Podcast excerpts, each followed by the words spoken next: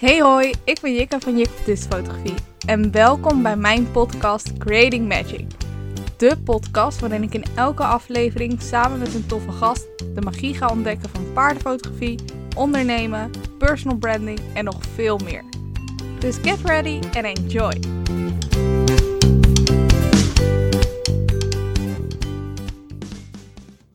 Hiha, welkom bij de dertiende aflevering van de Creating Magic podcast. En vandaag heb ik een superleuke gast voor jullie, namelijk Renate. Ja, hallo! Hallo!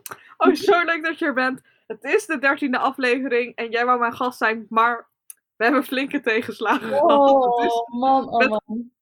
Oprecht hebben we echt de karma leren kennen van het dertiende ongeluksgetal. Ik denk dat we de eerste vier keer hebben gezegd, het is de dertiende aflevering, maar nee, dit laten we ons geen ongeluk brengen, dat komt helemaal goed. Maar nu, na de achtste poging of zo. Ja, dit is wel een ongeluk, uh, ongeluksgetalletje hoor. Nee, nee, meid. Nee. Belangrijkste ondernemingsles. Geef nooit op. Dus dat gaan wij niet doen. Nee, zeker niet. En als je dit luistert, weet je dat het ons gelukt is. En als je dit niet luistert, dan weet je dat dit niet gelukt is. Oh. Maar Renate, waar, wie ben je? Waar kunnen mensen jou van kennen? Tell us more about you. Nou, ik ben inderdaad Renate, uh, van Renate Vos Fotografie.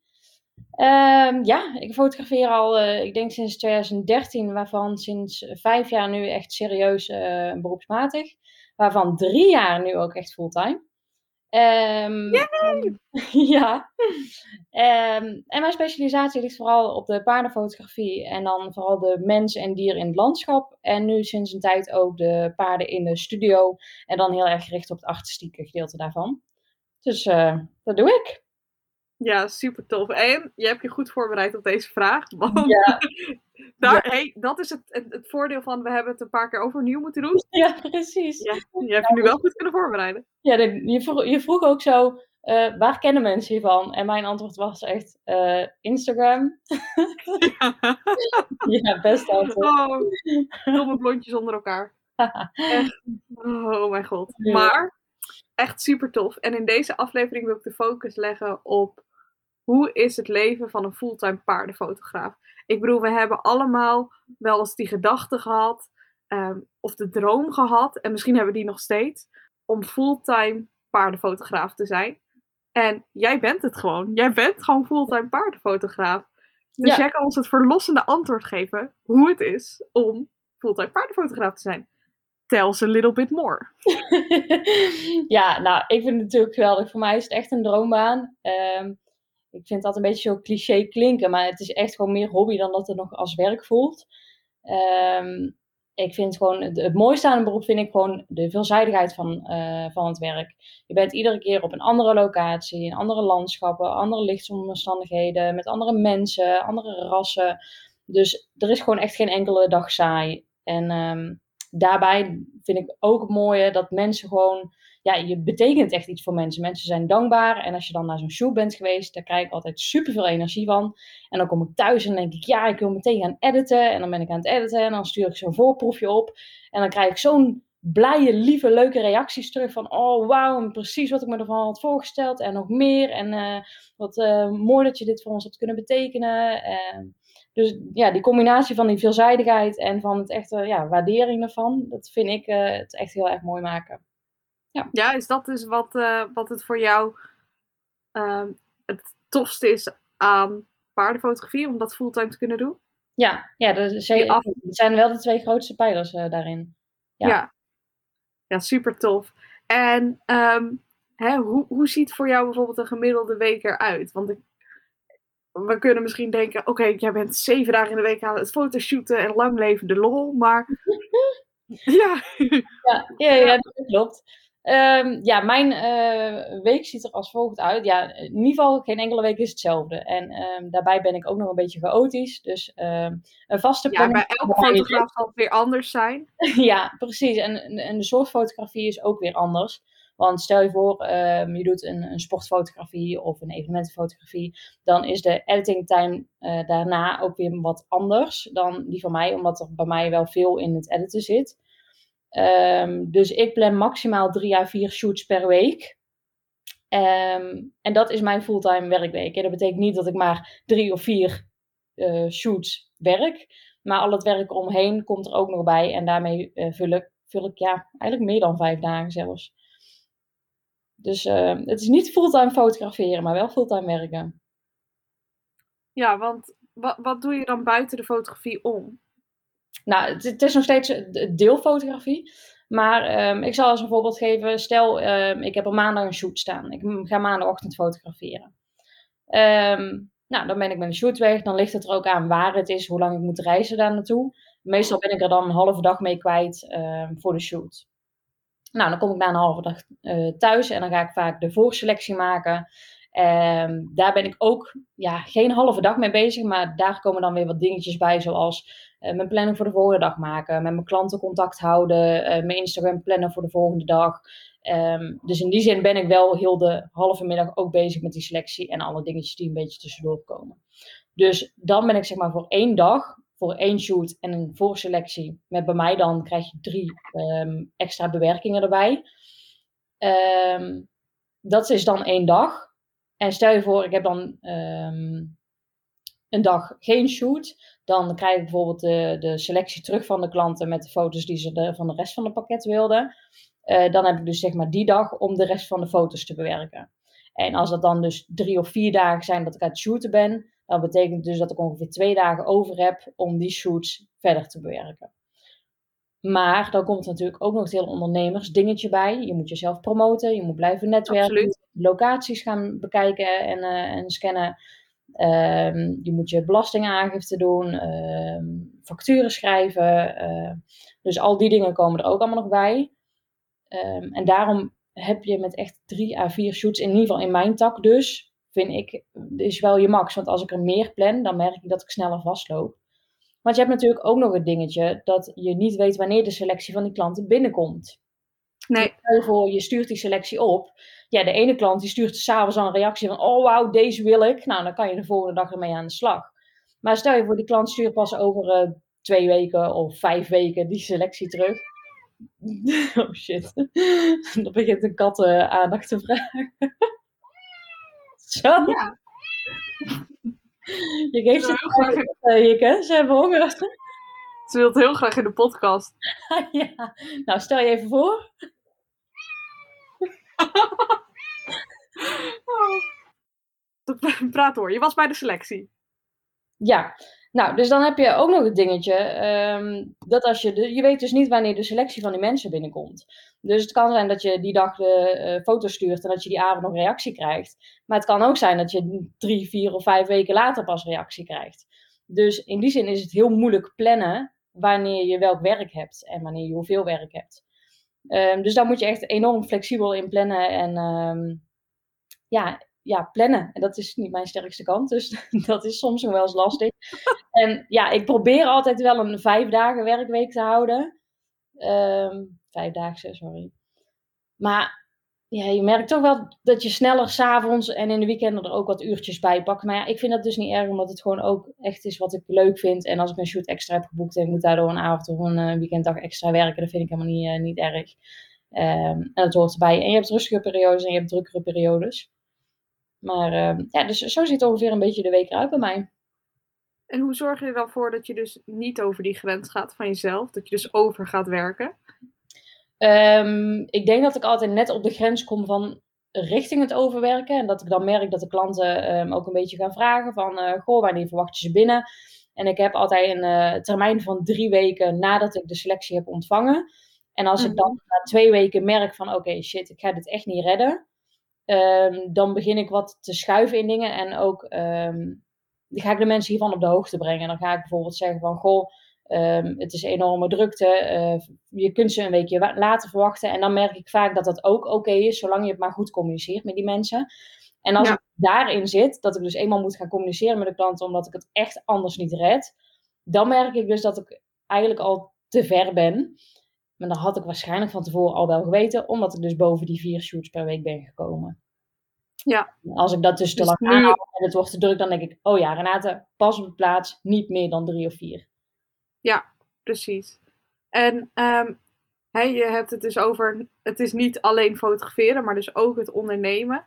Ja. Uh, vond je dat lastig, dat, je, dat dat er opeens bij kwam kijken bij het hebben van een fulltime bedrijf? Uh, nee, ja, in mijn geval was dat voor mij niet zo'n probleem, omdat ik, uh, ik ben al ondernemer sinds, oh, ik durf niet te zeggen, ik voel me heel oud als ik dit zeg, um, sinds, het begin van mijn, sinds het begin van mijn mbo-opleiding. Toen ben ik en dat is? Um, elf jaar? Volgens mij. Ja, oké, ja. Ja, dat kan. Nou, ja, volgens mij is het ongeveer elf jaar geleden. En toen ben ik in gaan schrijven bij de KVK, maar niet als fotograaf. Ik was namelijk oh. grafisch ontwerpster. Dus ik heb destijds heel veel grafische opdrachten gedaan, die wel heel makkelijk te plannen waren. En daarin heb ik heel het ondernemerswereldje leren kennen. Dus ik, ik wist hoe ik mijn boekhouding en mijn facturen en mijn offertes en dergelijke moest doen. Um, zodra ik met fotograferen begon. Dus voor mij is die stap niet groot geweest, omdat ik het natuurlijk ook naast mijn opleiding deed destijds. Dus ik ben daar heel langzaam ingegroeid. Ja, dus je was niet in één keer fulltime nee. fotograaf? Nee, fotograaf sowieso niet. Ik was al begonnen met fotograferen dan naast mijn laatste opleiding, mijn HBO-opleiding. Um, en dat deed ik parttime. En toen ben ik gaan werken na mijn opleiding, ook in het, uh, ja, wat ik van mijn opleiding had gedaan in stedenbouwkunde. En toen heb ik dat parttime gedaan, zodat ik naast dat parttime werk wel kon blijven fotograferen. En ik wilde bewust dat fotograferen dan langzaam uit de hand gaan laten lopen. Maar wel dat ik in, nog steeds een basisinkomen had, zeg maar. Ja, dus je hebt het bewust uit de hand laten lopen, waardoor je hè, de controle hield over: oké, wanneer is het tijd om hier fulltime in te gaan stappen? Wanneer ben ik er klaar voor? Um, ja. En niet het af te moeten wachten. En, en alsnog ook die zekerheid te behouden hè, van inkomen door je parttime eh, baan. Ja, klopt. En dat is, is dat ook, wat je aanraadt? Uh, ja, dat is zeker wat ik aanraad. Um, omdat het gewoon. Uh, het is wel heel lastig om als fulltime fotograaf aan het werk te gaan. Omdat het dus inderdaad.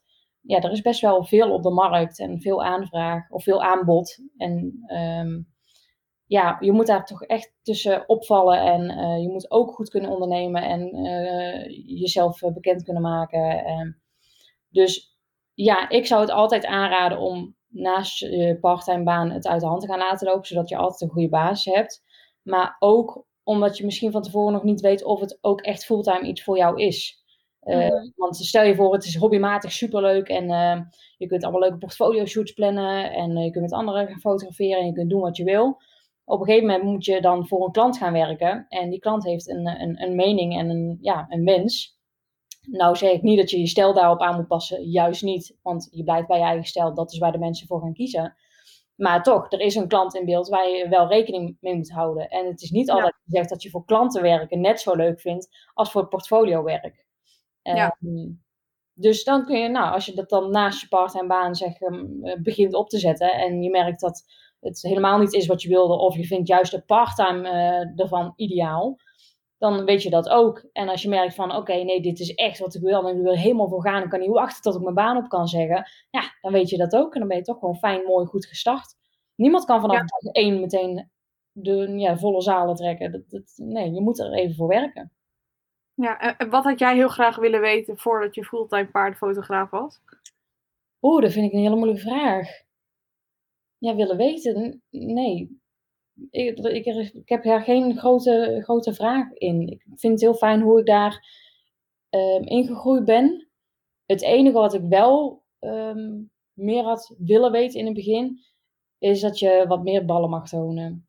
In die zin, ja. um, ik ben heel lang redelijk onzeker geweest. Ik dacht van ja, ik ben nog niet tevreden over mijn foto's. Of uh, is het wel goed genoeg? Of en op een gegeven moment wil je dan toch wel met workshops beginnen. En dan denk je, ja, maar wat kunnen mensen nou van mij leren? Um, dus ja, dat heeft me vijf jaar geduurd om toch te zeggen uiteindelijk van oké, ik ga de workshops doen, ik ga de meeloopdagen. Ik weet nu zeker dat ik iets te zeggen heb. Maar ja, dat had eigenlijk gewoon al wel eerder gekund. Maar dus... hoe heb je die, uiteindelijk die ballen gekweekt? nou ja, echt gewoon pas omdat ik nu pas uh, sinds een tijd tevreden ben over mijn foto's. En daardoor dus de stap durfde te nemen, omdat ik gewoon zeker ben van mijn zaak. Um, ja, ja, dus ik, nee, ik heb nog steeds geen ballen gekregen. Ik ben gewoon wat zelfverzekerd gewoon in mijn foto's. Ja, dat is toch ook ballen? Ja, ik denk hè, voornamelijk wat je, wat je heel vaak uh, hoort misschien is uh, start before you're ready, weet je wel? Ja. Uh, heel veel mensen denken al, ja, maar ik moet al top zijn en er mogen geen fouten meer gebeuren. En dan pas kan ik uh, fulltime paardenfotograaf zijn. Of dan pas kan ik workshops geven. Of dan pas ben ik goed genoeg. Maar weet je, je, je kan wel blijven wachten tot wanneer het juiste moment komt. Maar die komt er niet. Jij moet dat moment grijpen. Jij bepaalt wanneer dat juiste moment komt. Het juiste moment komt niet zomaar aanwaaien. Er, er gaat niet opeens iemand tegen jou zeggen dat je opeens een ingeving krijgt. Nou, nu kan ik echt workshops gaan geven. Dat iemand zegt, nou Renate, hop, uh, nou ja, peper in je reet en uh, die workshops geven. Nee. dat moet je zelf gaan opzoeken. Dat moet je zelf uit jezelf gaan halen. En gewoon denken, ja, fuck it, ik probeer het gewoon. En als het lukt, dan lukt het. En als het niet lukt, dan lukt het niet. Dan is het gewoon iets voor optioneel. En als het dan een keer geboekt wordt, dan is het super leuk. Maar het is zo zonde als je jezelf tegenhoudt door het denken van, oh, maar als ik daar ben, dan kan het. Oh, maar als ik daar ben, dan pas kan het. Ja, je zet nou steeds hogere doelen voor jezelf ook. Ja, weet je, als je bij, het, het, is alsof je op de finishlijn een marathon aan het rennen bent. En elke keer zet je een stukje per beetje, als je bijna bij de finishlijn bent, de finishlijn verder weg. Nee, dat vind ik ook goed, ja. Ja, maar... Ja, dan moet het ook niet zijn dat, natuurlijk dat je net begint en dat je een paar mooie foto's hebt en dat je denkt, ja, nu ga ik workshops geven. Dat is dan weer de andere zijde. Moet wel, ja, nee. moet wel een beetje iets te brengen hebben. Vind ik. Ja. Nou ja, ja, aan de ene kant wel. Aan de andere kant denk ik, als jij gelooft dat jij waarde kan brengen aan, aan een andere, ja. why not? En het is vooral, mensen hebben hè, ook het idee dat zij dus super goed moeten zijn en in de top zitten van de paardenfotografen. Uh, dat ze dan pas iets te brengen hebben qua waarde, qua kennis. Ja, ja, ja. Maar geloof me, zelfs de toppaardenfotografen denken soms, heb ik wel iets te brengen? Terwijl iedereen denkt, hoezo heb jij? Jij hebt gewoon hartstikke veel te brengen. Ja. En dat is omdat wij zelf ons altijd vergelijken met anderen. En wij zien altijd wat beter kan. Wij zien altijd nog een stap hoger. Maar andere mensen, ben jij de stap hoger? En je hoeft dus ook niet zes tredes beter te zijn dan een ander. Je hoeft maar één trede beter te zijn om iemand anders wat te kunnen leren. Ja, nou, dat klopt wel. Oké, een beetje afdwaling, maar um, wat, wat, is een belangrijk, wat is voor jou heel belangrijk als paardenfotograaf? Wat, wat moet je kunnen, wat moet je zijn, wat um, moet je willen? Ja, wat, wat eigenschappen die eigenschappen die je goed kan gebruiken is uh, sowieso op één uh, sociaal. Uh, ik vind dat heel belangrijk dat een shoot zelf ook ontspannen is en dat mensen zich op hun gemak voelen en dat je een makkelijk praatje kan maken met die mensen. Um, dus dat is een eigenschap die je zeker nodig hebt. Daarnaast moet je natuurlijk een beetje creativiteit en inzicht hebben. Ja, dat je doelgericht op de shoot weet wat je wil en hoe het eruit komt te zien. En dat je daar ook echt iets moois van kan maken. En vooral gedreven, denk ik. Um, toen ik begon met fotograferen, ik zat echt dag en nacht YouTube-filmpjes te zoeken. En, en, en, en toen, begon, ja, toen begon, uh, bestond dat YouTube en Instagram nog niet eens zo heel erg. En oh, ik was echt uren aan het zoeken, zoeken, zoeken. En dagen aan het kijken. En ik dacht, oh, laat me dit doen. En dan ging ik dingen proberen. Dus ja, gedrevenheid is echt het grootste, denk ik. En um, ja. als je heel erg gedreven bent om te leren en je bent heel enthousiast om te leren, dan ga je daar ver mee komen. En um, een, ondernemer moet je natuurlijk ook een beetje zijn. Je moet jezelf. Wat is een ondernemer? Ja, een ondernemer, de, ja, een beetje de verkoop. Je moet, uh, je moet jezelf op de markt zetten en je moet in die zin een beetje zakelijk zijn soms in dingen. En ook dingen durven, op mensen af durven stappen of berichtjes durven sturen, um, durven netwerken. Dus ja, een beetje dat, dat open sociale, uh, het creatieve, het uh, gedreven en enthousiaste, misschien gepassioneerde juist. En um, ja, een beetje dat, dat ondernemende. Ik denk dat dat wel heel belangrijke eigenschappen zijn. Maar ik denk ook al dat dat eigenschappen zijn die je heel erg leert, juist door het fotograferen. Want ja. ik was in het begin echt niet iemand die op mensen ging afstappen of berichtjes ging sturen. Echt, no fucking way. Ik was oh, echt... niet zeggen. Dat... Nee, nee, maar ik was echt dat muurbloempje dat uh, nou echt uh, tegen de muur aangeknald zat en uh, ik ben niet zichtbaar. en uh, gaan we weg met meer levenservaring. Nou, klinkt mij uh, als 23-jarige. maar, uh, maar ook door gewoon het doen. Vooral gewoon het doen en het ervaren en vallen en opstaan. Ja. Ehm, leer je heel erg ook om het te doen. En gewoon, ja, en gewoon... je moet wel weer kunnen opstaan nadat je valt. Je moet wel zeker ja. hebben en de drive hebben om dat te doen. Ja, ik zeg ook altijd, zoals als jij de wil hebt om het te doen, no matter what, jij komt daar. Dat is net zoals met een opleiding. Mensen zeiden altijd tegen mij, ja, ik, hè, als je een opleiding moet kiezen als, als 16-jarige of 17 of 18-jarige, dan dacht je, oh, als ik dit kies, dan word ik dus dat voor de rest van mijn leven. Ja. Maar het is, bij mij zeiden op een gegeven moment, dat weet ik nog zo goed, ik was toen bij een open dag en iemand zei, uh, ja, ik, was, uh, ik had gestudeerd voor, uh, wat had hij nou gedaan? Toerisme volgens mij. En, um, of ICT, het was een van de twee. Iets heel compleet verschillend, maar het was iets, een van die twee.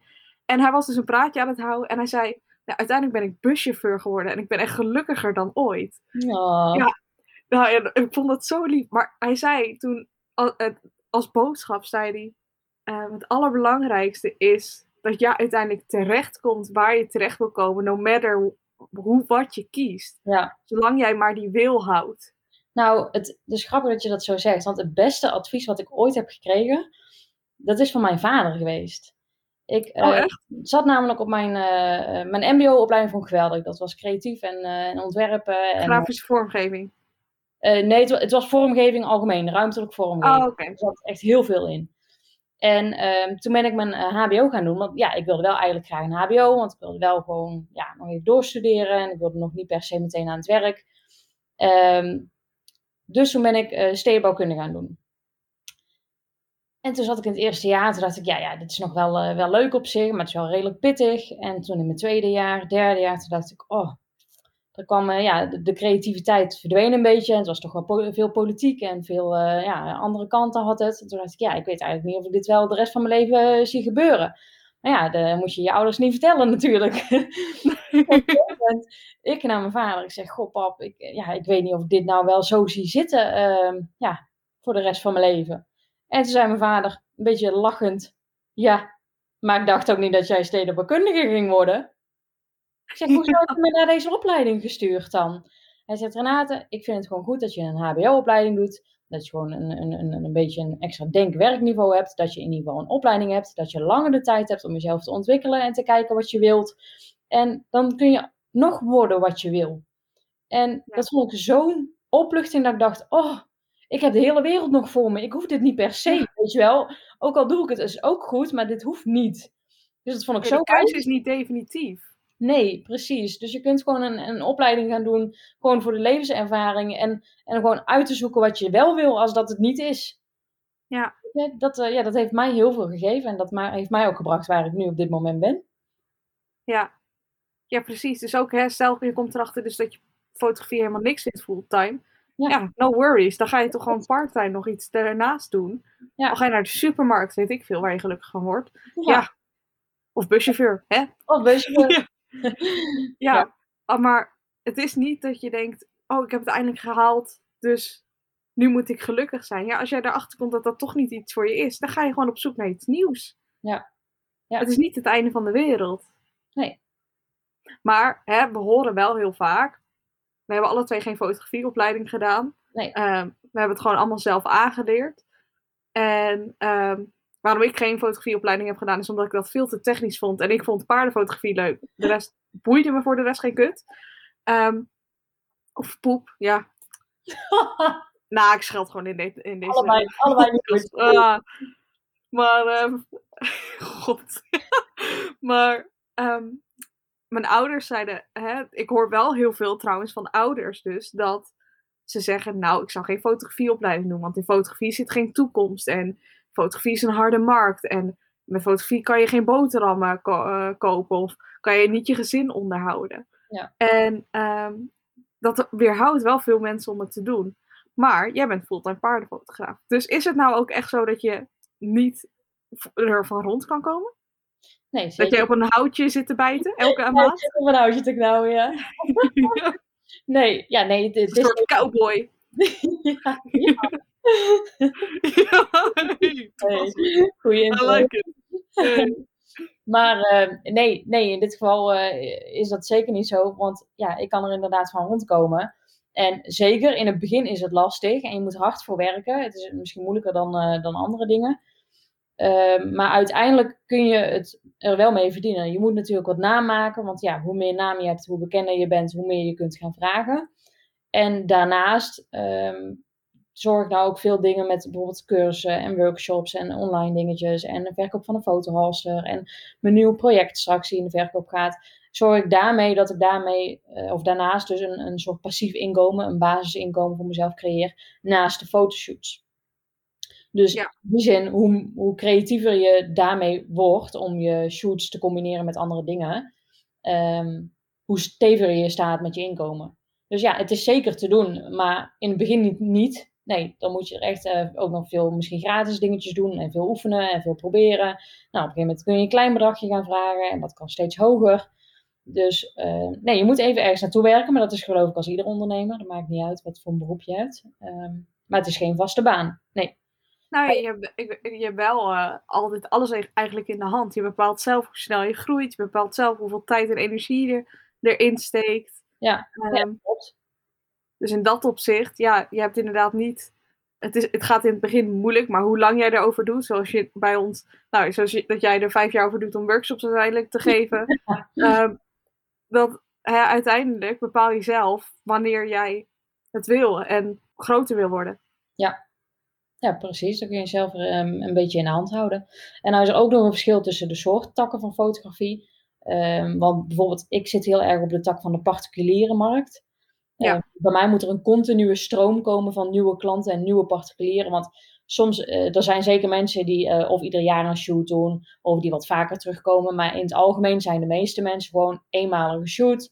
Ja, en dat zit een beetje. Dan moet je erop naar een nieuwe klant. En als je bijvoorbeeld in, in de sport zit, of je zit in de verkoop van paarden, of je zit in de ruiterartikelen, dan heb je gewoon een aantal vaste klanten of een aantal vaste stallen waar je naartoe kan. En dan ben je daarin wel iets zekerder van inkomen. Dus daar zit ook ja. nog veel in. Ja. Maar eh, hoe zorg je ervoor dat je, hè, dat je dus een, elke keer een nieuwe stroom hebt aan klanten? Ja, dat is gewoon echt heel erg actief blijven met marketing.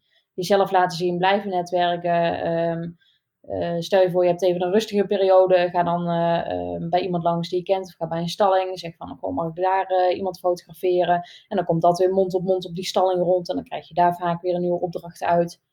Um, dus dan kun je in die zin daar weer opvangen. Maar de tegenhanger daarvan is, pas op dat je niet te veel gratis shoots gaat doen. Of te veel promotieshoots gaat doen. Want dat brengt de markt weer ook weer niet ten goede. Want dan, ja, ja en je gaat bekend ja. staan als, oh, ja. zij doet het toch wel gratis, dus ik wacht wel op een nieuwe oproep. Want dan uh, hoef ik er niet voor te betalen. Ja, klopt. En dan krijg je vaak niet de, de leukste uh, mensen die heel veel waarde in jou uh, zien. Nee, dus... die gaan dan vooral omdat je goedkoop bent. Maar je wil uiteindelijk mensen die bij jou komen, ja. omdat ze foto's van jou willen. Juist, precies. Dus daar moet je even een, een balans in gaan vinden. Maar zorg dat je wel in beweging blijft. Um, al is het dan online of uh, ja, zorg dat je iets, iets doet. Ja. Dat klinkt lekker. Uh... En um, als het dan gaat over waar lig jij dan soms s'nachts wakker van? Oeh. Is er iets waar jij s'nachts wakker van ligt soms? Uh, ja, maar dat komt omdat ik dan heel erg um, nieuwe ideeën in mijn hoofd aan het doen ben. Oh. dus positief.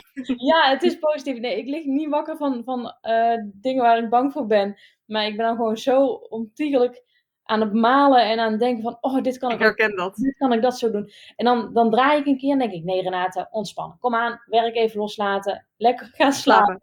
Maar, en dan komen er weer allemaal nieuwe ideeën. En dan denk ik, oh, en dan lig ik zo echt anderhalf, twee uur te piekeren. ja, dan denk ik, niet vergeten, niet vergeten. Dan schrijf ik het snel op en dan lees ik het de volgende dag en dan denk ik, hè, wat bedoelde ik nou? Is dit nou uh, mijn uh, idee? Nou, ja. ja. nee, Oké, okay, dus positief. Ja, positief. Ik lig niet echt ergens eh, van wakker, maar dat is gewoon, um, nee, omdat ik gewoon een goede basis heb opgebouwd nou. Ja, ja, dat is wel heel erg fijn. En hoe, hoe heb je die basis dan opgebouwd? Um, ja, door het dus zo uh, rustig via mijn uh, part-time baan uit de hand te laten lopen en het pas fulltime te gaan doen, zodra ik zeker wist um, dat ik uh, genoeg naam had en dat er genoeg aanvragen kwamen en dat er dus naast de webshop en de workshops en dergelijke um, inkomsten uitkomen. En ik zorg in die zin altijd ook voor een, een, buffer. Dat stel je voor, het is één maand of twee maanden wat rustiger. Dat ik die gewoon wel in mijn buffer op kan vangen, omdat ik dat dan gespaard heb. Want je hebt altijd wat rustigere en wat drukkere maanden. Dat is gewoon zo.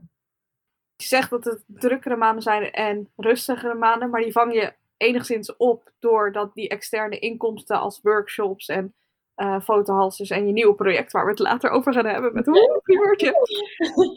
maar is het ook zo dat je uh, eigenlijk niet meer fulltime paardenfotograaf kan zijn zonder die externe inkomsten? Of zou jij dat nog wel kunnen? Dat vind ik Voor wel particulieren, laat maar zeggen, als klanten. Ja, dat zou kunnen, maar dan moet je gewoon heel veel geld vragen voor je shoots. Of je moet uh, minder foto's leveren, zodat je echt binnen de dag met een shoot klaar bent met bij, uh, uh, edits en al. Want bijvoorbeeld, ik heb drie verschillende pakketten die ik aanbied. ik heb een S-pakket, een M-pakket en een L-pakket. Mhm. Mijn S-pakket die heeft vijf foto's, waarvan ik alle vijf de foto's zelf kies. Ah, dus dan ja. hoef ik niet op selectie te gaan zitten wachten. Dus dan heb ik de shoot, dan kan ik die selectie, of nou, dan kan ik meteen alle foto's maken en een pakket afleveren. En dan is die afgerond. En dan zou ik vijf shoots per week kunnen doen. Maar dan moet ik dus voor een S-pakket, dat, dat moet dan bijvoorbeeld eh, duurder zijn, Ja. Wat je in één dag wil verdienen. En dan moet je dus vijf dagen vol plannen. Ja. Dus het, dat vind ik wel een moeilijkere. Het zou kunnen, maar dan moet je wel echt veel per shoot gaan vragen om je uurloon te redden. Ja, En het is wat onstabieler, want juist door die externe heb je een soort van stabiele factor. ja precies. Of je zorgt inderdaad dat je er ehm, één goede zakelijke klant bij hebt, Ja. waarvoor je de commerciële foto's doet. En als het dan gaat over social media, ehm, zou, zouden we dat als paardenfotograaf nog zonder kunnen? Ja, dat vind ik heel dubbel.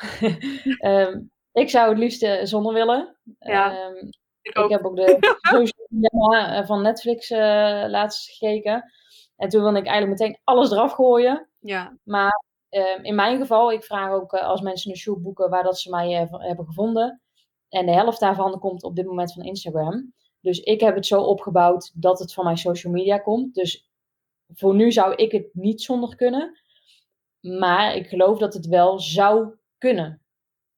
Ehm, Maar dan moet je veel meer eh, gaan netwerken. Dan moet je er veel meer op uit. En dan moet je mond op mond. En dan ga je misschien flyeren en misschien adverteren. En ehm, dan doe je dat soort dingen. Als je eenmaal misschien binnen jouw ehm, eh, omgeving een, een, een naam hebt opgebouwd. Dat mensen jou ook zo weten te vinden. Gewoon via via. ja. Ja, en Maar dat- misschien zou dat zelfs, hè, dat, dat is echt wel meer werk. Want eh, social media is in dat opzicht een, een mooi platform als in het verspreidt jou, ja, voor Ja. jou. Je- j- jij post het en eh, social media doet de rest. Ja. Ehm, een soort van dan. We hebben er soms wel ruzie mee, maar hè? Ja. Maar als het gaat om klantenbinding, dan werkt op de langere termijn dat hè, die ehm, mond-op-mond reclame veel beter. Dus misschien hou je Ja, dan zeker. een grotere relatie ehm, Ja. aan vast. Ja, dat denk ik wel. Ja, want die mensen die gunnen jou meer, want ze kennen jou, zeg maar. Ja. Dus dan eh, op internet heb je natuurlijk maar zo'n korte spanningsboog van, van mensen die lang scrollen en die geven jou misschien eh, 0, zoveel seconden. En dan moet je zeg maar, eh, dat was je pitch, daar moet Ja. je het hebben gemaakt. En als je mensen echt spreekt en langs gaat, dan krijg je daar een gevoel mee en dan krijg je daar contact mee. En dan is die band wel meteen een stuk sterker. Ja, en Ja. we houden nog steeds heel erg van hè, bevestiging horen van andere mensen dat het goed is.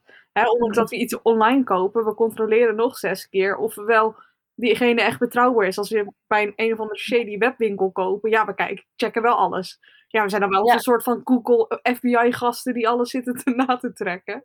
Eh, en Ja, in dat opzicht is mond-op- mond-tot-mond reclame nog steeds super belangrijk. Ja, ik denk inderdaad dat laatste setje van mensen die bijvoorbeeld soms ehm, op je website kijken of een aanvraag stuur- eh, sturen voor informatie, dat de mensen ehm, in dat geval nog tegen worden gehouden van inderdaad, wie is deze persoon, wil ik hier wel bij, Ehm, mooie foto's, maar hè, weet er verder niet zoveel van. Daarom is dat personal branding natuurlijk weer zo belangrijk. Mhm. Maar als je dus een mond op mond en je hebt een band met iemand, dan is de keuze van een andere fotograaf er bijna niet meer. Dan is het gewoon die fotograaf ken ik en, en die is het. Ja, of die wordt aangeraden door een bekende, hè? want dat weegt nog Ja. meer dan dat je, dat je een review leest van een onbekende. Maar ja, kun je zonder social media? Ik denk het wel, maar dan moet je het gewoon anders op gaan bouwen. Eh, ik kan het Ja. in dit geval dus nu niet meer. Behalve als ik het echt zou willen, dan zou ik nu dus weer uit kunnen gaan breiden ondertussen met andere ja. Ja, je trekt wel een hele andere klanttype aan, hè, door mond eh, tot mond. op social media kan je heel makkelijk, of heel makkelijk, ja, ook weer niet, maar je kan heel specifiek targeten. Oké, dit soort klanten wil ik. Ja. Ehm, en daar heb je wat meer controle over. Zo'n man tot mond kan hè, heel veel verschillende soorten klanten zijn. Dus wat je ook kiest, het is, je spreekt wel, ja, je kan wel twee verschillende ehm, doelgroepen aanspreken. Je moet dan kijken wat past bij mij, wat, wat, wat werkt. Ja. Wat vind ik leukere klanten. Ja. Um, hè, maar social media is ook super tof. Het is, brengt ons superveel. Uh, wij kunnen nu gewoon lekker chatten terwijl we ja. uh, en, elkaar, en, elkaar op de hoogte houden. Terwijl we, nou ja, uh, 45 minuten van elkaar afwonen met de auto. Ja. en, dat, en dat is dus super tof. En je kan natuurlijk jezelf een soort van elke keer pitchen van kijk mij, ik ben tof. Nou ja, klinkt heel ego-achtig, heel arrogant. Klein beetje. Klein beetje maar. het is niet zo bedoeld. Maar je kan wel, um, ja, je, je, het is wel een soort van platform waar je heel veel controle op hebt. Hoe je gezien wordt en hoe je, um, hoe je over wil komen naar andere mensen. Ja. En dat is natuurlijk super tof. En je kan heel veel delen en in contact komen met andere mensen in Amerika, weet ik het wat. Maar het heeft ook wel best wel wat, um, hoe noem je dat? Hm, negatieve ja. kanten? Negatieve kanten, ja, zeker. Um, ik denk dat we daar allemaal wel een beetje tegenaan lopen. Um, ik vind het lastigste van social media dat je zo makkelijk kan vergelijken. Och, oh, je me de bek niet open, meid. Dan ben je ergens mee bezig en dan komt er iets online en dan gaat diegene dat ook doen en dan denk je, nee, dat was toch mijn idee en dat was ik aan het doen en dan krijg je daar weer stress van. Of er komt een foto voorbij en je denkt, oh, die foto is veel mooier dan die van mij, waarom heb ik dat nou niet bedacht? En dat kan je um, ja, een beetje ja, je enthousiasme zeg maar in, uh, in deuken. Dat is gewoon niet leuk om te zien. En dan ben je heel erg enthousiast en trots ergens over. En dan komt er iets voorbij en dan denk je, nee, dat is het toch niet? Ja, dat kan uh, een negatief effect zijn van social media. En dat vind ik best wel, over die wel heb ik lastig gevonden. Um, nu ben ik in die zin tevreden als ik naar mijn, uh, mijn foto's kijk en naar mijn feed kijk. Dan denk ik echt van, ja, mijn foto's zijn zeg maar gewoon echt hoe ik het wil. En uh, ik ben daar gewoon helemaal tevreden over. Dus daar ben ik blij mee. Maar ja, dat heeft me ook een paar jaar gekost. Uh, maar ik heb daar heel veel naar gekeken inderdaad. Van wat iedereen allemaal deed. En waarom dat ik dat dan niet zo goed kon. En je wordt er wel ook weer ijverig van om dat wel te willen leren. Ehm, dat je dat ook wil kunnen. Mm -hmm. Maar ehm, ja, het kan je ook eh, een beetje negatief beïnvloeden in die zin. Ja, het kan je ook heel erg demotiveren. Ja, en wij zeiden dat, voordat we elkaar spraken, um, dat uh, de paardenfotografie eigenlijk steeds groter wordt. Het ja. lijkt wel of er iedere dag meer paardenfotografen bij komen. Terwijl je denkt, huh, nee, ga weg. hè, hoe meer klanten, of hoe, tenminste hoe meer paardenfotografen er komen, hoe meer zichtbaarder überhaupt het vak als paardenfotograaf is. Hoe Ja. meer klanten. Dus de markt wordt niet ehm, ja, vol ervan. Maar het voelt alsof het een stuk kleiner wordt. Ja, klopt. Want je volgt elkaar via social media heel snel en je, je kent elkaar heel snel. En ehm, ja, door social media word je ook constant op elkaar gewezen. Ja, klopt. Je zit heel dicht bij elkaar en ook een beetje dezelfde locaties en dezelfde modellen. En er worden dan van die groepen voor aangemaakt. En uh, zo wordt hij inderdaad heel snel weer heel klein. Ja, en dat is heel tof, maar dat is ook wel dat je dat inderdaad dat vergelijkingsdrang. Uh, nou ja, drang is het ook weer niet, maar dat automa ja, het is bijna een soort automatisme. Ja, ja, ja. Um, dat komt gelijk de kop op. Ja, klopt. En daardoor verlies je een beetje focus op wat het, het belangrijkste, jezelf. Ja. En je eigen bedrijf en je eigen kunnen, en je eigen waarden en je eigen geloof in jezelf. Ja, en dan wordt ook beetje, uh, er wordt ook een beetje een, een beeld geschetst van wat je moet zijn als paardenfotograaf. Um, mm -hmm. in, in die zin uh, op het gebied van, van paard en mens fotograferen misschien. Um, nou ja, ja, ja, foto's met een, een, een meisje in een, uh, met lang haar in een jurk, uh, met ja. in het gouden uurtje, met een losstaand paard. Ja, die doen het het beste op Instagram, wordt gezegd. Dus wat gaan mensen doen? Die gaan dat soort foto's posten. Terwijl dat misschien helemaal niet de foto's zijn waar ze super blij van worden. Nee, precies. En ik vind dan ook altijd, uh, bijvoorbeeld mijn stagiaire Inge. die vroeg op een gegeven moment aan mij, zegt Renate, ik ga een nieuwe foto posten op Instagram. welke moet ik posten? Welke denk je dat mensen leuker vinden, deze of deze?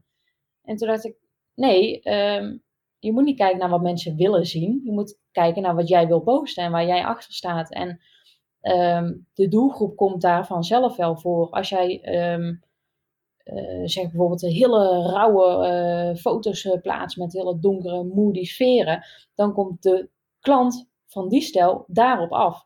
Plaats jij hele lichte en sfeer en zachte foto's, dan komt die klant daarop af. Dus je moet gewoon echt doen wat jij wil en waar jij achter staat. En niet wat je denkt dat goed gaat lopen. Nee, precies. Je, je trekt hè, klanten aan wat jij uitstraalt. En het, het is ook niet erg als dat wisselt, want jij wisselt als persoon. En onze kledingstijl verwisselt, want ik, mijn kledingstijl is niet hetzelfde als tien jaar geleden. Gelukkig. Maar ik zit nu gewoon in een onesie, dus eigenlijk moet, is het wel hetzelfde. Nee hoor, grapje. Soms voel ik me nog wel echt een kleuter daarin. Oh, zo'n lekker vliesdekentje en zo. Oh. Oké, anyway. Um, als, als jij doet waar jij het allerblijst van wordt, ga je dat ook uitstralen. Want, en dat trekt mensen. Mensen houden van enthousiasme. Dat, dat willen ze gewoon omringd door worden. Dus um, als jij doet wat je het allerleukst vindt, ga je juist onderscheiden. Ga je juist um, mensen trekken waar jij het blijst van wordt. Ja. Als jij heel erg blij wordt van blackfoto's, maar je post alleen maar rijfoto's, dan denken mensen: um, oké, ik moet bij jou zijn voor rijfoto's. Dan weten ze niet dat ze voor blackfoto ook bij jou kunnen zijn. Of dat je daar het allerblijst van wordt. Maar als jij heel veel blackfoto's post, dan denken mensen, oh, als ik blackfoto's wil, dan moet ik bij haar zijn. Ja. En dat is een soort win-win. Ja, precies. Dus gewoon vooral doen waar jij je fijn bijvoorbeeld wat jij het leukste vindt. En dan komt die doelgroep daar vanzelf wel voor. Instagram is groot genoeg. En ik heb nou alleen over Instagram, maar er zijn natuurlijk meerdere dingen uh, waar we het net over hebben gehad. Maar Ehm, doe daarin je ding. En inderdaad, als dit jaar dit is en het volgend jaar iets anders. Ik heb dat ook heel erg. Ik wil ook iedere keer weer iets anders doen. Als ik het ene ehm, heb gedaan of, of, eh, onder de knie heb en ik ben daar tevreden over, dan denk ik, oh, ik wil ook weer iets nieuws proberen en die uitdaging daarin te zoeken. Ja. En even uit mijn veilige haven te stappen. Dus uh, dat je verschilt en verwisselt daarin, dat maakt helemaal niet uit. Nee, en als je bijvoorbeeld van licht denkt, oh, ik vond dat Moody toch mooier als jij wisselt en bij de eerste foto slaat het niet aan, dat, dat is, logisch, want je moet opeens een hele andere doelgroep wil je aanspreken. Namelijk niet mensen die lichte foto's leuk vinden, maar mensen die donkere foto's mooi vinden. Dus geef het ook tijd. Geef je zelf, maar ook je doelgroep tijd om te wisselen van, oh, oké, ze doet nu dit, ze is into this. Dus um, vind ik dit wat ja of nee? En ook weer nieuwe mensen aantrekken die dat dus juist heel tof vinden. Ja, precies. Ja. Maar ik, ik vind het wel lastig hoor. Want hè, zeker dat uh, uh, vergelijkingsdrang en. Of nou, dan noem ik het weer drang, maar het, het automatisme. ja. het vergelijkingsautomatisme. Ja, dat speelt op social media zo makkelijk een rol. En hè, met het social dilemma wat je benoemt. Er is een reden dat um, alle CEO's of mensen die eigenlijk überhaupt zelfs werken op uh, social media bedrijven dat die en hun kinderen helemaal geen social media hebben. Nee, precies. Ik bedoel, dat is mindblowing, maar ja. daar is een reden voor. Het is ook zo verslavend. Het geeft heel veel Ja, het, is, geeft vooral heel veel onrust inderdaad. Het kost heel veel energie en tijd, want je denkt alleen maar, diegene is beter. Ja, en je krijgt altijd weer meldingen. En dan denk je, shit, is nou iemand anders weer iets aan het doen? Of uh, uh, ik moet rennen, want ik moet mee blijven gaan. En ik moet bovenaan zijn. En uh, ja, dat is, het geeft gewoon veel druk inderdaad. Ja, hoe heb je uiteindelijk geleerd om meer um, van je eigen waarde uit te kunnen gaan? Oeh, dat vind ik lastig. Um, ik denk gewoon echt in die zin... Um, daarin heel langzaam groeien. Kijk, je denkt niet iedere dag uh, van shit, uh, dit is slecht, had ik uh, maar iets anders gedaan. Je bent iedere keer nog steeds, in mijn geval, werd ik steeds trotser op mijn foto's. In het begin was ik blij met een foto. En dan bijvoorbeeld zes maanden later was ik blij met een foto. En dan keek ik naar die foto van zes maanden geleden. En dacht ik, oh, was ik hier toen al blij mee, weet je wel. Dus iedere keer groeien nog steeds. En iedere keer ben je steeds nog steeds blijer met je foto's. Ook al vergelijk je die met een ander en denk je nee, die zijn nog niet helemaal zoals die foto's zouden zijn, of dat zou ik graag willen. Ehm, maar je, je blijft daarin wel groeien. En die social media moet je daar niet in tegenhouden. En dat is een gevoel wat je soms dan heel eventjes kan krijgen. Dat je denkt, ah shit. Maar dat geeft je dus ook wel weer een beetje de drive om gewoon weer iets nieuws te doen en ervoor te gaan en erin te verbeteren. Ja, dus vooral ook reflecteer eens op je eigen werk, hoe ver jij bent gekomen, waar jij vandaan komt. Ja, precies. Want uh, ook uh, weer uh, mijn stagiaire Inge, Ehm, die dacht. Hey, Inge. ja, daar leer je veel van. Nee, maar die dacht dus inderdaad van: oh shit, ik ben echt niet zo goed als Renate en ik kan daar nooit komen. En toen ging ik op een gegeven moment um, die stories die vaak voorbij zitten komen van een foto van vroeger en een foto van nu. En dan had ik bijvoorbeeld een foto van 2014 naast de foto van 2020. En toen keek Inge zo en zegt: Er is nog hoop. Er is nog ik kan dit ook. dus dat was zo grappig. Die dacht ook gewoon dat ik vanaf dag één dit kon, weet je wel. Ja. Maar, uh, nee, inderdaad. En nu hebben wij nog steeds uh, dat we soms naar een foto kijken en dat we denken, nou, wat hebben wij nou weer gedaan? Ja. Minder gelukkig. Ja. Maar wel eens. Ja. ja. minder. Maar het gebeurt nog steeds dat wij soms denken, nou. Ja, nee, zeker. Natuurlijk, je hebt altijd je, je betere dagen of je mindere dagen. En in een fotoshoot dat, dat is ook een verwachting vaak. Hè? Mensen denken dat als je een shoot gaat uh, doen, dat alle foto's van die shoot goed moeten zijn. En mooi ja. moeten zijn. Maar in mijn pakketten krijg je maar vijf, uh, acht of twaalf foto's. Dus in die zin moeten het misschien honderd eh, goede foto's zijn, maar maar twaalf hele goede foto's zijn. Ja. Dus dat en wij hebben ook gewoon nog onscherper tussen soms zitten. Oh, zeker. En... zeker. Slecht getimede en... Ja, ja, nee, ik kan niet twee uur uh, volledig geconcentreerd uh, zijn hoor. Soms zijn er ook momenten nee. bij dat ik denk, hoe, heel even pauze. Ja. Hallo boom. Ja. ja vooral, mijn, vooral mijn arm, laatst oog had ik studio shoot. En dat paard uh, wilde zijn oren niet naar voren doen. En oh, ik ben helemaal niet pro oren naar voren fotograferen. Dat doe ik ook zeker, let ik niet op. Maar dit meisje wilde uh, heel graag één shot uh, met het hoofd los en dan twee oren naar voren. Dus dat past er ook wel heel erg mooi bij. Dus ik zat op dat moment echt te wachten op paard die zijn oren naar voren deed. Nou, ik denk dat we drie kwartier bezig zijn geweest met alles. Snoepjes, ritselen, geluidjes, uh, stilstaan, wachten. En op een gegeven moment, het paard was heel erg groot. Dus ik had mijn lens, en ja, dat zijn zware camera's. Had ik heel de tijd recht voor mijn oog klaar in aantocht voordat de paard een honderdste seconde zijn oren naar voren deed. Nou, na drie kwartier, je wil niet weten hoe verzuurd ik was. Als ik dan geen bewoogfoto had gemaakt, dan weet ik niet meer. Het is gelukt, maar vraag me niet hoe. dus die dagen hebben we er ook bij. Het, het, zijn allemaal omstandigheden. En het blijven dieren. Je moet echt ja. daarin nooit gaan lopen pushen. Als het niet is, dan is het niet. Nee, ja, verwacht dus ook niet perfectie. Niet vanuit jezelf. Uh, nou ja, vooral en ook niet uit jezelf omdat het dieren zijn. Dus het zijn altijd onverwachte dingen. Ja, weet je, ik heb ook wel eens, dan gaat hij uit de platen. Ja, dat moment heb ik niet, want ik was gewoon dan niet gefocust. Ja. Nee. Maar dat vind ik ja. wel gezegd inderdaad. Verwacht niet die perfectie. Ik vind juist um, de fotografie in de imperfectie het mooist. Tenminste, ja. dat, dat is mijn stijl. Daar hou ik van. Net, net die bewegingen of die emotie die net iets meer vertelt dan een standaard pose. Mm -hmm. Imperfectie is uh, geen slecht ding. Nee. nee, zeker niet. En als we het over imperfectie hebben, jij bent een chaot. Oh, hè? Nee, zou ik ook niet zeggen. Nee. Op dat punt was? Nou, Ik, ik ben een keertje mijn camera vergeten mee te nemen naar een shoot. wat? Ja, ik was. Het is, Hoe dan? Ja, nou, ik zal je vertellen hoe dan. Het was in die zin, ik moest mijn eigen paard uitlenen. Dus ik was ook bezig met mijn eigen paard en niet alleen met Ja, mijn bedrijf. Dus ja, inderdaad, de focus kwam op twee, twee plekken te liggen. Ja, en dat kan ik niet. Geen twee dingen tegelijk. Ik ben wel een vrouw, maar multitasken kan ik niet. Dus ja, ik ben wel een, een, een aardige geoot, ja. Sorry. Maar daar heb je iets voor bedacht. ja, daar heb ik iets voor bedacht. Dat is een nieuw project. Oh, Ja, eindelijk een goed project. Ja, ik loop echt al maanden tell us more, tell us more. Nou. Het nieuwe project van mij is een agenda planner speciaal voor fotografen. En Oh, holy dit, wordt echt, dit wordt echt je bijbel. Dit moet je gewoon altijd en overal bij hebben. Dit boek is ideaal. Echt. Ik, ik heb, gebruik hem nu al een paar maandjes, omdat ik natuurlijk een proefboek heb ontvangen. En Mhm. voor mij is het echt een verademing. Ehm, vooral de checklisten. Ik heb er een hele hoop checklisten in zitten voor workshops en cadeaubonnen. Maar ook voor de fotoshoot zelf. En dan krijg je gewoon serieus een overzicht eindelijk van welke taken er allemaal lopen, welke gedaan zijn en welke nog moeten gebeuren. Want ik had zo vaak, als je bijvoorbeeld, um, kijk bijvoorbeeld in de maand en je hebt misschien uh, eh, 20 klanten lopen. Van die 20 klanten weet je niet meer wat nou van wie loopt en wat je nou nog moet doen. En zelfs de kleine dingen als uh, afdrukken bestellen, dat ik denk, ja shit, voor wie heb ik de afdrukken nou al wel besteld en voor wie nou niet, weet je wel.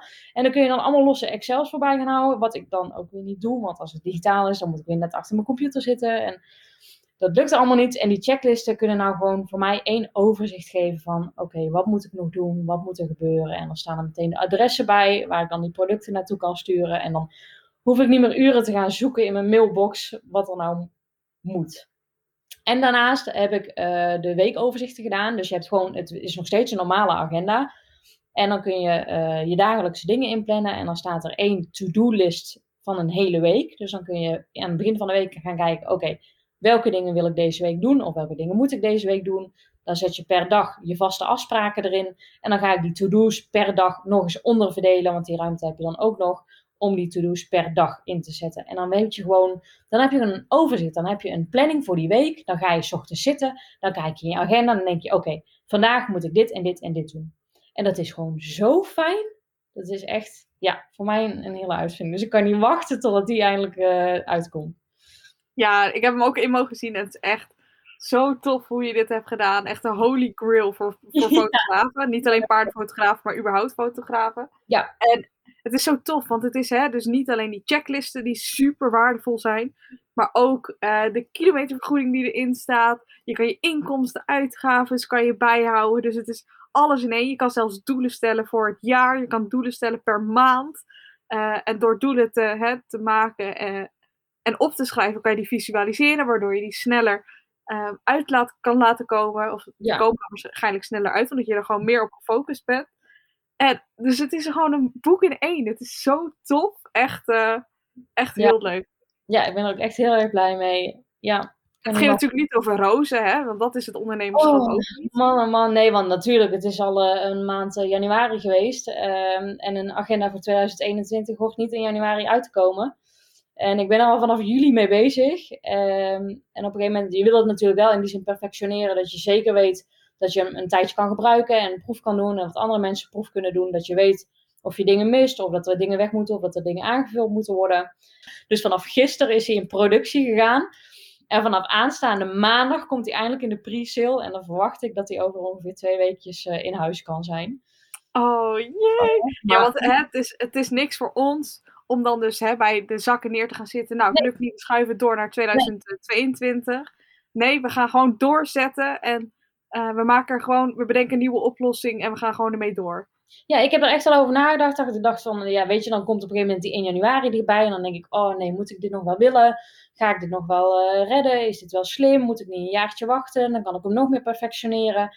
En toen dacht ik, nee, ik zelf kan al niet wachten totdat ik deze kan gaan gebruiken. Dus waarom zou ik dat de rest ontnemen in die zin? Klinkt een beetje lullig.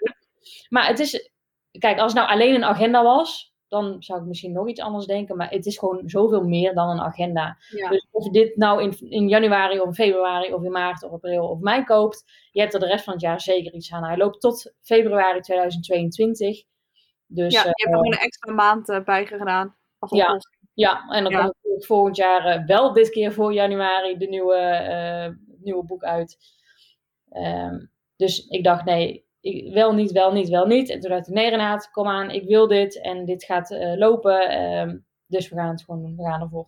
We gaan ervoor. Ja, we gaan ervoor. Ja, ja echt super tof. En dus maandag al in de pre-sale. Ja. Waar kunnen men, als mensen jou willen vinden, dit willen kopen, waar kunnen ze jou vinden? Nou, sowieso ga ik natuurlijk helemaal spammen op social media.